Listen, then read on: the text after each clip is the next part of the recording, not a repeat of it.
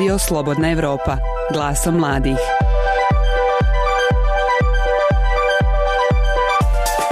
Koji su to programi i univerziteti dostupni za bosansko-hercegovačke studente?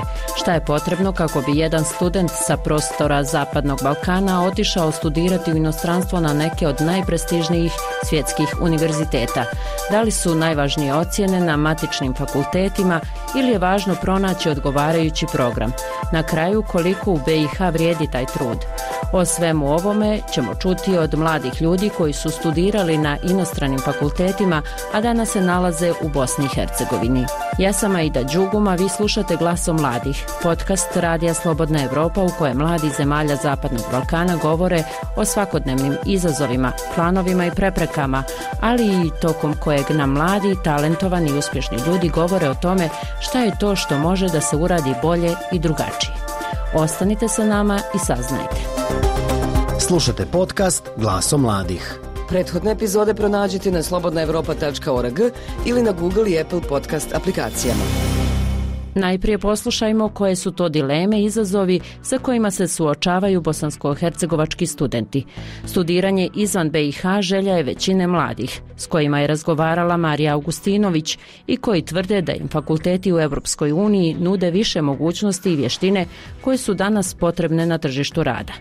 Međutim, u diplomama iz inostranstva neki od njih vide i mogućnost da zauvijek napuste BiH i karijeru započnu u nekoj drugoj zemlji. 18-godišnji Sandro Vrhovac učenik je četvrtog razreda srednje škole u Novom Travniku. Po završetku škole Sandro planira upisati studij psihologije u Austriji, a kako kaže, bolji uvjeti studiranja i življenja te mogućnost zapošljavanja u zemlji visokog životnog standarda glavni su razlozi. E, plan je da idemo u grad studirati. To je za sad najbolje mjesto kako sam čuo od e, osoba koje su očito tamo iz Bosne.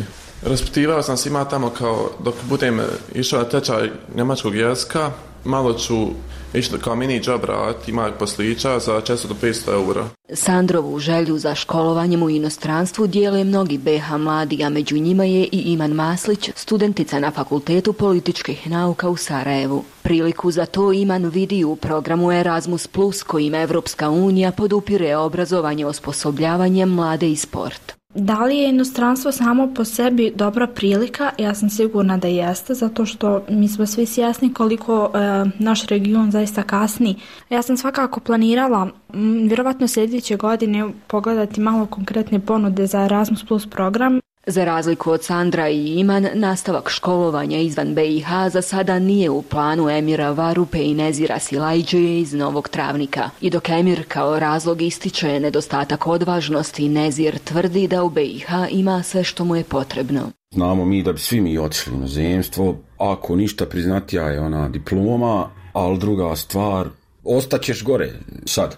To što ja nisam, mogu, nisam se usudio, kažu treba je financija, Planiram da upišem petu godinu, odnosno postdiplomski studij, ali ne planiram da idem. Prvo bi morao da savladam jezik i onda kako bi to išlo, ne znam kako bi se uključio među novu sredinu, nove ljude. U diplomi iz inostranstva mnogi mladi iz Bosne i Hercegovine vide i mogućnost za bijeg od problema s kojima se suočava BiH i put za ostanak u Europskoj uniji. Takvom životnom scenariju nada se i Sandro, dok Iman pak planira znanje i vještine stečene u inostranstvu primijeniti u Bosni i Hercegovini. Meni je cilj sigurno vratiti se ovdje, ali mislim da nemam ništa od toga ukoliko ostanem na mjestu i budem neki vid lokal patriote koji nažalost ne može ništa drugo nego pričati koliko voli Bosnu i Hercegovinu. Dugo ima da završim to sve, ali volio bi tamo ostati i tamo volio provesti ostatak života. Vjerujem da će biti bolje tamo.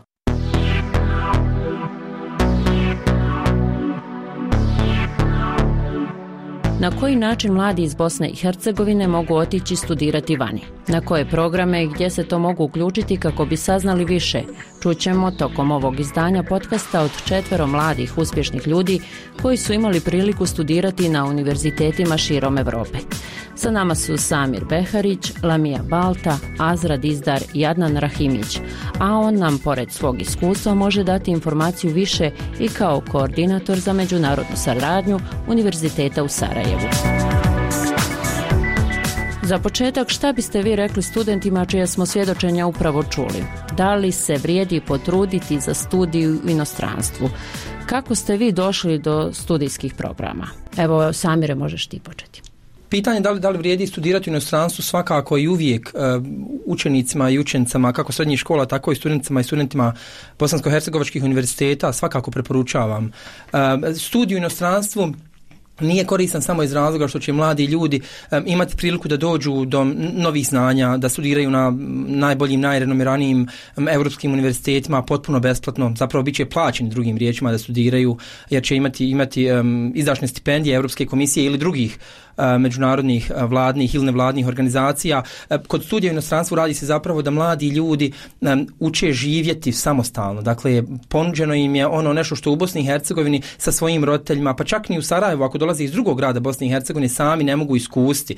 Naučit će tokom jedne godine da raspolažu budžetom od oko 20.000 konvertibilnih maraka, imaće priliku da slušaju predavanja najboljih evropskih i svjetskih profesora, usavršit će svoje znanje stranog jezika i zapravo to je iskustvo koji će im otvoriti nove životne horizonte i koji će ih pripremiti zapravo za, za, za tržište rada gdje će biti ispred svojih kolegica i kolega, svojih vršnjaka koji neće vjerovatno imati takvo iskustvo i upravo istog razloga nama takvi mladi ljudi trebaju nazad u Bosni i Hercegovini uh, kako bi upravo Bosnu i Hercegovinu izveli na jedan, na jedan novi prosperitetni put prema, prema Evropskoj uniji, ja, bi, ja bih rekao. Lamija, kako ste vi došli do studijskih programa? Za Erasmus Plus program sam znala čak i od srednje škole, upoznati smo bili sa uh, iskustvom prijašnjih studenta koji su uh, bili na nekim od univerziteta u širom Evropi, te sam kroz svoj studij imala priliku da malo više istražujemo ponudama koje mi imamo, to jeste univerzitetima koje imaju, imamo mi pod ugovorom sa, sa drugim univerzitetima u, u, u Evropi prvu svoju razmjenu odabrala sam uh, u Portugalu i za sve informacije uh, u vezi Erasmus Plus programa i bilo kojih uh, bilo kog drugog programa razmjene koje, koje mi kao Univerzitet Sarajevo imamo sa drugim univerzitetima mogu se pronaći na oficijalnoj stranici i na Facebook stranici, a i naravno za sva pitanja koja sam ja imala obratila sam se kolegi Adnanu Rahimiću prvobitno, a i naravno na fakultet, na svim fakultetima postoji osoba koja se bavi pitanjima, znači za među međunarodne a, razmjene, a, to jest osoba koja može da razgovara sa studentima direktno za sva pitanja u vezi silabusa, u vezi predmeta koja su potrebna, da li će se poklapati sa predmetima u, u baznom, baznom, na baznom fakultetu i, i, i da li da li će taj student imati priliku kada se vrati da mu predmeti budu priznati, da nastavi znači kako je od početka i, i za, počeo je da tako i nastavi studij u Sarajevu. A vi ste završili? Trenutno sam e, master student na ekonomskom fakultetu Univerziteta u Sarajevu. I od svog e, studija e, razmjene u Evropi imala sam priliku da budem na tri univerziteta, jedan tokom prvog ciklusa, a dva tokom drugog ciklusa. Imala sam priliku da studiram u Portugalu, u, u Velikoj Britaniji i u Njemačkoj i to je znači sve preko Erasmus Plus programa razmjene. Azra, kakva su vaša iskustva? Ja sam ošla u London da studiram na School of Oriental and African Studies, što je jedna prilično posebna škola, vrijedi kao neke pet top najboljih u Londonu, a moje iskustvo je zaista bilo fenomenalno, zbog toga što sam dobila jedan skroz, jednu skroz novu perspektivu koju ne bih mogla da imam ovdje. I ja sam otišla da promijenim karijer. Ja sam prije svirala violinu, bila sam ovaj violinista, bila sam profesorica u srednjoj muzičkoj školi, ja sam zaista imala tu svoj karijer, meni ništa nije falilo u Bosni i Hercegovini, ali sam imala potrebu da radim neke druge stvari. Znala sam da ne bih mogla da radim isto ono što radim do sada dva, već 20 godina još sljedeći 20 godina ja sam pisala međunarodno nose diplomatiju. Ja sam već tog studija dobila jako dobar internship na jednom vrlo dobrom institutu u Londonu i onda su meni kasnije zadržali kao konsultanta da bih nedavno dobila posao jednu međunarodnu organizaciji. Tako da sam ja na kraju uspjela ono što sam htjela i promijenila sam karijeru i stekla sam mnoge prijatelje od kojih su mi mnogi profesori sa mojeg fakulteta i dan danas nekako mentori i savjetuju mi kroz razne aplikacije za fellowshipe, ne znam, govorništvo i tako dalje. A violina je ostala druga ljubav ili? Jeste i dalje ostala druga ljubav i ovaj, razmišljam da počnem i dalje da sviram u jednom orkestru kojem sam prije svirala onako sa prijateljima svojim. Pa lijepo. Slušate glasom mladih. E, Adnane, evo možete prvo za početak vaše iskustvo, a onda kasnije i šta, šta je to potrebno mladim ljudima da bi mogli da odu vani da studiraju. Pa eto ja kad sam završio ovaj diplomski studij nekako kao svaki mladi čovjek htio sam da promijenim svijet i aplicirao sam neki 37 konkursa pa nakon što sam dobio ovaj šamar od jedne europske institucije, jedno lokalno ministarstvo me je prihvatilo i upravo ti ljudi iz ministarstva su prepoznali mogućnost da se prijavim za jednu e, stipendiju koja je bila namijenjena za državne službenike, e, koju je financirala britanska vlada, ujedno i Europska komisija, Univerzitet Zapadne Engleske u kojoj sam bio i prošao sam intervjue, testove i sve i nas nekoliko iz Bosne i Hercegovine je otišlo u Bristol na e, dvogodišnji studij, master studij E, gdje smo e, ne samo iskusili kao što su svi ovdje spomenuli totalno drugačiji način komuniciranja između profesora i, i studenta gdje svakodnevno dobijate određenu literaturu i trčite u biblioteku da, da nešto istražujete, da nešto radite. Pored toga što sam upoznao englesku putovali, iskoristili razne mogućnosti. Ja sam se isto vratio kao neka druga osoba i ovako u razgovoru sa studentima često kažu iako smo rođeni u Bosni i Hercegovini znamo kako sve to ide ovaj, svi doživimo ta neki kulturni šok kao da nikad nismo ovdje živjeli jer smo se toliko navikli na nešto što je ovaj dobro u, u ino, in, inostranstvu. S druge strane, ovaj, mi smo, kad je u pitanju univerzitet u Sarajevu, a siguran sam da je moje kolege na drugim javnim i privatnim univerzitetima to isto rade, mi zaista želimo da omogućimo svim studentima, a i ovim odraslim, dakle nema tu neke godina ovaj, granice, da iskoriste tu međunarodnu mogućnost koja im se nudi. I mi u stvari ne doprinosimo odlivu mozgova, mi u stvari doprinosimo cirkulaciji mozgova. I to je u stvari što mi želimo. Dakle, kada nešto nauče iz inostranstva, ti isti ljudi će se vratiti ovdje. E, Erasmus kao program postoji od 1987. godine i bio je samo nekako rezervsan za zemlje tadašnje Europske zajednice, odnosno Europske unije. Mi kad smo dobili priliku 2007. da budemo dio tog programa, mi nismo imali programe na engleskom jeziku, nismo imali uh, kadar koji je imao to neko iskustvo, mislim imali smo, ali u jako malom broju. Danas, nakon evo skoro 15 godina, mi imamo dakle kadar koji je iskoristio te uh, mogućnosti kao student ili kao osoblje da ode na određenu razmjenu, da drži predavanje sve, gdje oni sada prepoznaju te mogućnosti da stranom studentu ponude program na engleskom jeziku, da ispit mu bude na engleskom jeziku, da radi neko istraživanje i naravno da započinju određene projekte e, izgradnje kapaciteta kako bi se određeni univerziteti uvezali. I to je u stvari dobra strana ovih e, programa, tako da ne odlivu mozgova, ali da cirkulaciji. Sad me zanima šta je to vas potaklo da odlučite da započnete ili nastavite studiranje van granica BiH. Pa evo da se vratimo Samiru koji može i objasniti šta je zapravo i završio i gdje je bio do sada. Ja sam do sada bio na hm, pet, šest univerziteta. Ono što je vrlo bitno ovdje naglasiti, ja sam između gimnazije gdje sam bio učenik generacije pauzirao između gimnazije i univerziteta. E, napravio nešto što je moja mama dobila šećer od toga. Ovaj pauzirao sam dvije godine. E, nešto što u Bosni i Hercegovini nije toliko klasika da, da, da Raja ode i da radi. E, ja sam za te dvije godine radio kao koordinator za međunarodnu saradnju u e, omladinskom centru Jajce, to je jedna nevladna organizacija i zapravo to su dvije godine koje su do sada dvije najkorisnije godine moga života. Zbog čega? Upravo zbog toga što sam ja tokom tog perioda uspio da dobijem kontakte, preporuke, pisma preporuke onih ljudi s kojima sam tada radio, koji su mi kasnije pomogli da odmah na drugoj godini odem na razmjenu. kada sam došao na prvoj godini fakulteta, upisao sam fakultet političkih nauka i došao sam baš Adnanu da ga pitam uh, mogu li da, da, da, se prijavim na, na, na, na razmjenu. On mi je rekao možeš, ali kao nemaš ovo ocjene sa prve godine, nisam imao. I on mi je rekao svejedno ti probaj, onaj, kontaktiraj i pitaj da li možeš da se prijaviš. I ono što je vrlo interesantno mi je tada rečeno sa Freie univerziteta u Berlinu gdje sam otišao na svoju prvu razmjenu kasnije. Uh, pitao sam ih, ok, ja nemam uh, ocjene, da li su ocjene bitne, da li ja mogu da se prijavim bez ocjena. E, rekli su mi, ukoliko niste dovoljno dobri za svoju lokalnu zajednicu, nećete biti dovoljno dobri ni za naš univerzitet.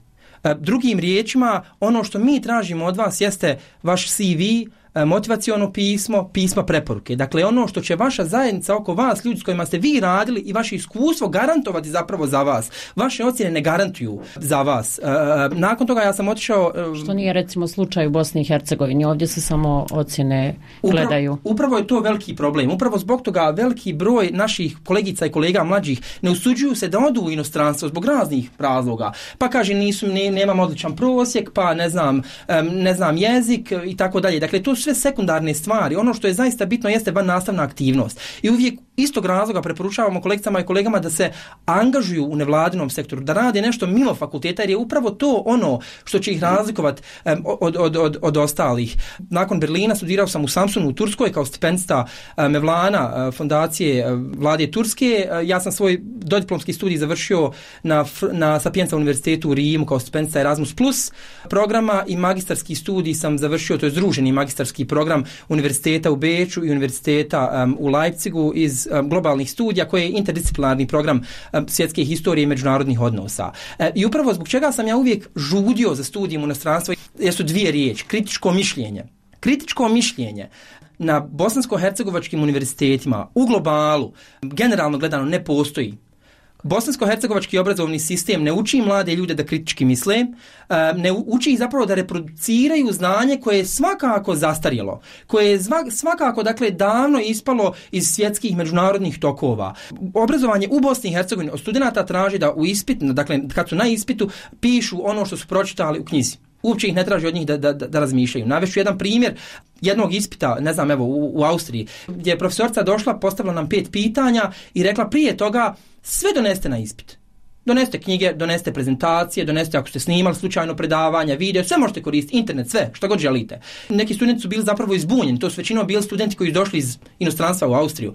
Međutim, pojenta toga svega je bila da mi sami kroz svoje razmišljanje, analitičke sposobnosti spojimo sve ono što smo učili. Njena pitanja se nisu mogla pronaći u knjigama, već su se mogla samo odgovoriti onako da smo mi primijenili kritičko mišljenje koje su nas te godine na univerzitetu u Beču um, naučili. Koliko vam je studiranje vani otvorilo šanse se u Bosni i Hercegovini. Lamija? Ja sam, znači, ja sam još uvijek student ovdje u Bosni i Hercegovini. Kada sam se vratila, nastavila sam sa svojim studijem i sada trenutno završavam. Međutim, e, što se tiče bilo kojih prilika koje i imam i u budućnosti i trenutno imam, e, definitivno imam po meni e, više možda nekih vještina i znanja koje se traži nego možda studenti koji nisu imali priliku da studiraju vani da borave u nekim od onaj univerziteta u inostranstvu. Pa jedna od svojih prilika koje trenutno imam ovdje jeste da sam dio organizacije koja skuplja studente koji su boravili u inostranstvu koja se naziva Western Balkan Balkans Alumni Association i koja zapravo pomaže studentima e, da iskoriste to svoje znanje i vještine koje su stekli i da primijene ovdje na tržištu, na balkanskom tržištu, ne samo u Bosni i Hercegovini nego i u regionu, kroz razne projekte, treninge, te da uključe što više studenata i nekako da time pokušaju da prošire vidike. Azra? Kakva su vaša iskustva i kakav je put otvorila studiranje vani? Pa konkretno u mom slučaju mi je otvorila put da uspješno promijenim karijeru. Da sam ostala samo na diplom muzičke akademije, a ne mogla raditi ono što ja danas radim, zbog toga što ne bi imala nikakav, kako bi rekla, nikakvu diplomu da ja se kažem, ok, ja imam te vještine, imam to znanje, to disciplini u kojoj želim da nekako provedem svoju budućnost. Tako iz tog razloga ne meni bila prvi osnovni korak i da nije bilo toga, ja ne bi danas radila ono što ja radim. Ja sam jako sretna što sam ja zapravo i otišla vani, čisto iz toga što sam nekako promijenila zaista svoje vidike i nekako sam se oslobodila u smislu da ja sada ne znam šta ću raditi tri godine i skroz mi je ok, jako za tri godine radim neku skroz desetu karijeru do onoga što radim sada i to je neki velik osjećaj slobode. A ono što meni posebno koristilo prilikom mog boravka na SOAS, to je upravo ono što je sami spomenuto kritičko mišljenje. Sami način na kojem traže da vi pišete eseje je zapravo takav da vi nema šanse da ne razmišljate kritički i onda to puno znači kada vi počnete da radite zbog toga što znate kako samostalno da radite i to je nekako jedna velika vještina preživljavanja koju ja ne bi stekla u Bosni i Hercegovini. Koji su vaši savjeti za mlade koji razmišljaju o studiranju vani? Na što trebaju da obrate pažnju, od koje tačke da krenu, šta konkretno treba da urade? Adna, ne možete li vi? U odnosu na prije 15-20 godina nije bilo ovoliko mogućnosti kao što ima, ima sada, tako da su ljudi kao što je Samir, Lamija i Azra morali snalaziti da budu dio nekih društava koji će im omogućiti da ne znam da putuju, da upoznaju neke ljude, da jednostavno budu open minded, odnosno slobodnijih nazora u smislu da kada ispade neka prilika da se prijave za neku mobilnost, da to iskoriste. Slažem se sa Samirom kad je rekao da treba razvijati sve te mogućnosti kroz razna društva, jer e, samo upisivanje fakulteta i dobijanja diplome vas ne čini akademskim građanom niti poželjnim za posao. Vi morate usavršiti pogotovo u zadnje vrijeme i ovaj jezik po mogućnosti više njih i poznavanje rada na računaru, a u zadnje vrijeme i ovaj digitalni marketing i društvene mreže je postao jedan način komunikacije koje nove generacije puno više koriste u smislu prenošenja određenih informacija.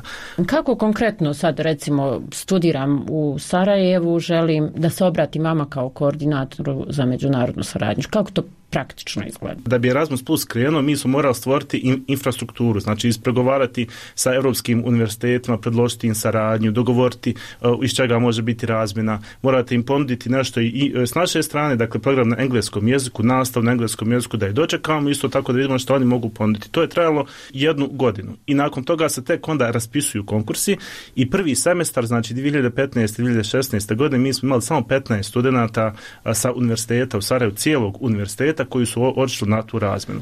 Ovaj semestar mi smo poslali 157 studenata na ovu razmjenu. To je još mali broj u odnosu na neke druge univerzitete u regionu, a da ne kažem u cijeloj Europi, ali je ogroman broj u smislu šta smo u stvari uradili i kako smo to ispromovisali. I neka smo se mi u službi osjećali kao turistička agencija, dođu nam, znate, ja i djevojka bi htjeli u Beč da idemo, pa ako, ako, ako, ako možete na eto, neku stipendiju ili nešto, dok na primjer nekad nam dođu stvarno neki studenti koji dođu sa pripremljenim pitanjima, to zapisuju sve i njih često vidimo ovaj, upravo kao dobitnike tih stipendija ovaj, i naravno kao opet aktivno negdje, da, da li je to politika, da li je to umjetnost, nebitno, ali bitno je da su oni to međunarodno iskustvo jako dobro iskoristili.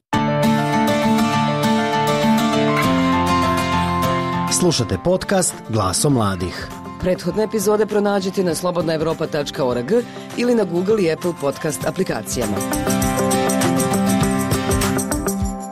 To me baš zanima. Koliko su vas zemlje u kojima ste studirali i njihova kultura promijenili kao ličnosti? Evo, može Samir prvi, jer je pa ja, više adresa promijenio. Pa ja bih rekao, svaka zemlja, svaka zemlja uh, nadogradi nas na određen način. Ono što bih ja ovdje istakao kao posebno korisno, u svaku zemlju u koju sam otišao, u kojoj sam boravio nekoliko mjeseci, živio, studirao, razbila mi je predrasud ili stereotipe o toj zemlji. I to je, mislim, najbitnija stvar. Ja imao sam priliku studirati u Turskoj pola godine. I prije što sam otišao u Tursku, imao sam uh, sliku o Turskoj onako kako mi generalno u Bosni i Hercegovini imamo, jel, ono da, da, nas Turska voli, jel, da smo mi, ne znam, ljubimci Turske i tako dalje. I onda sam došao tamo i ljudi ne znaju gdje je Bosna. Pojma nemaju gdje je Bosna. Ili misle da, pri, da trebam da pričam turskim jezikom. Imaju tu tri, četiri ovaj, grupacije ljudi koji sam onako analizirao kakav imaju odnos prema Bosni i zapravo to mi je razbilo predrasude o tome šta je Turska i šta je Turska prema nama i kakvo je tursko društvo. Tursko društvo nije 80 miliona ljudi koji su ono, jeli, jedinstveni. Imaju jednak, jedan stav prema, prema Bosni i Bosancima. E, također, evo, ja sam prije mjesec dana se vratio sa stažiranja u američkom kongresu, gdje sam također imao priliku ne samo da naučimo o, o jeli, američkoj policiji iz jedne globalne perspektive, već sam imao priliku ponovo da razvijem. Više sam se razočarao u Ameriku nego oduševio se njome. I upravo je taj dio, taj element da mi o tim zemljama učimo iz prve ruke, da imamo priliku tamo da živimo, radimo, upoznamo ljude, kulturu i duh te zemlje, e, upravo ono najbitnije e, što bih mogao da izvem. Kasnije ćemo, mislim, ja se i ne sjećam koje sam predmete polagao i koje sam ocjene imao ili u Turskoj ili u Njemačkoj ili šta ja znam, Italiji. Međutim, to na, kraju niti je bitno, niti će nas iko to pitati. E, ono što je bitno i što ostaje jeste zapravo upravo ta činjenica da mi jednu zemlju možemo da upoznamo u svoj njeno jeli, i dubini i širini. Imate li neku zanimljivu anegdotu tokom boravka? Pa, evo, pa neko od zemalja. Evo, u Turskoj generalno imam. Čim sam došao, ja sam u Tursku otišao odmah nakon, nakon Njemačke, jel, nakon Berlina godinu dana gdje sam proveo gdje sve ono tip top, zna se kad je predavanje, kad će vas profesor vidjeti, oni su vrlo ono pedantni tačni oko toga.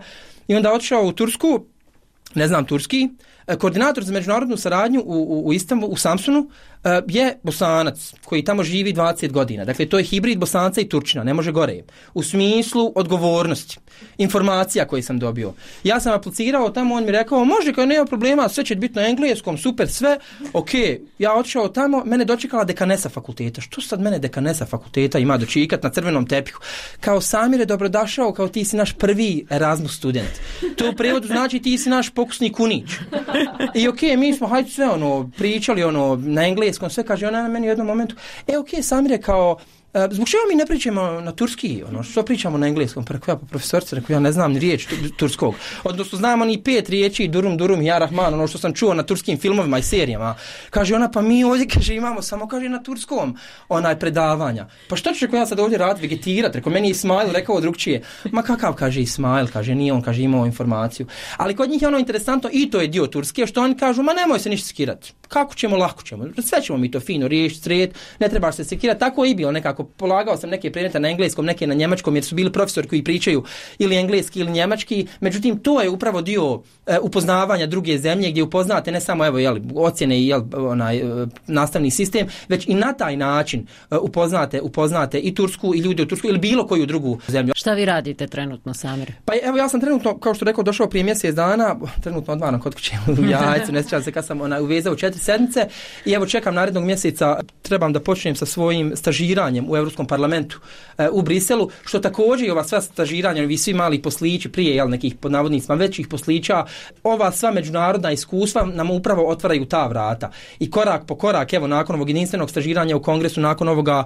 e, u Europskom parlamentu, ja se nadam da ću imati priliku kasnije i da, i da, i da jeli, ovoga, pod navodnicima ulovim pravi posao, jeli? međutim, upravo je to međunarodno iskustvo koje nas gradi kao ličnosti i upravo se zbog toga uvijek vraćamo u Bosnu i Hercegovinu jer želimo da Bosnu i Hercegovinu izgradimo onakvom po pozitivnim e, mjerama i aršinima koje smo e, imali priliku iskusti i živjeti u inostranstvu. Lamija i Azra, možete li nam reći koliko su vas zemlje u kojima ste studirali njihova kultura promijenili kao ličnost? Imate li nešto zanimljivo da za istać? Naravno da se ne ponavljam onaj, da, da, ne, da ne govorim isto koji sam, jer slažem se da apsolutno svaka zemlja je imala svoje neku, neku unikatno iskustvo, kako bi rekla, od strane i, inako i države i stanovnika, ali pogotovo što se tiče univerziteta. Međutim, ja bi naglasila da ne, ne da sam imala priliku da na primjer u ovim zemljama upoznam e, ljude iz Portugala, ljude iz Velike Britanije, Njemačke, nego sam stvarno imala priliku da upoznam kulture širom Europe. Znači kod mene su na predavanjima bili e, čak profesori koji su došli iz, iz Azije, iz, iz, iz Kine, iz Amerike došli da predaju određene, određene predmete te sam kroz te interakcije uspjela i, i o drugim kulturama u koje u tim državama nisam do sad nikad bi imala priliku da budem, međutim naučila sam dosta, naučila sam neke stvari koje stvarno moram priznati da nisam znala o nekim kulturama i, i, i naravno uh, kako bi rekla razbijala stereotipe koje, na, koje svi imamo što je, što je neminovno. Uh, međutim uh, ne, ne, ne, da, ne da posebno na primjer naglasila bi iskustvo u Velikoj Britaniji u Londonu u kojem ne, ne, mislim, mislim da u, u jednoj prostoriji ne postoji dvije osobe koje su iz iste države, koje su iz istog grada, to da ne spominjem, ali kamo iz iste države, te, te nekako e, naravno kroz, kroz, kroz i rad i, i kroz studiranje, ali isto tako i kroz neke van nastavne aktivnosti, ne mora to nužno biti u univerzitetu, nego na primjer i volontiranja koja se obavezno trebaju iskoristiti u drugim državama, se upozna, uh, upoznaju druge i, i nove kulture. Tako da e, nekako mislim mislim da da je to što što nešto ono e, se donese ne samo znanje, ne samo vještine nego e, i to upoznavanje. Jer na primjer sada kako znam prijatelje iz iz iz na primjer iz iz iz, iz Kine dosta smo nekako kroz razgovori ono pričamo eh kad ti budeš ponovo u Evropi, eh kad ti budeš u Aziji, javi se da vidimo kako šta da se da se nađemo, da pričamo, da nastavimo komunikaciju, što je što je dodatno bogatstvo što ne može se ne može se tek tako steći. Tako je. Azra, vaša iskustva Pa jedna anegdota, na primjer, ja sam živjela u studentskom domu u jednom kao stanu sa četvro cimjera, kojih dvoje bilo kineza, jedna uh, djevojka iz Indije, jedna iz uh, Holandija, porijeklom iz Konga. I ja sam se toliko zaljubila u tu indijsku i ne znam, i stil oblačenja i muziku, apsolutno sve. I da se ma na kraju a, vratila dva kofera puna indijske odjeće, nisam imala ništa više ovaj bosansku.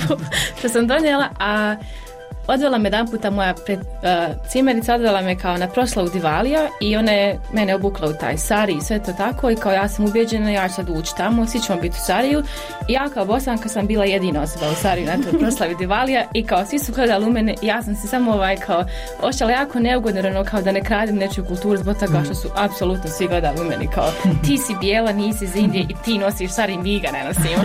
Uh, ali generalno ja mislim da je meni je London donio jako mnogo toga jer jednostavno sam toliko otvorila svoje vidike da sam da imam oše da sam spremna na mnoge stvari na koje ne bi bila spremna u Bosni i Hercegovini i nekako drugačije razmišljam. Mnogo sam opuštenija, a ne razmišljam više zatvoreno možda kao što sam to razmišljala prije i jednostavno imam osjećaj da nekako sad je cijeli svijet apsolutno moje nekako polje rada. Hvala vam puno na vremenu koje ste odvojili i na iskustvima koje ste podijelili sa mladim ljudima širom regiona.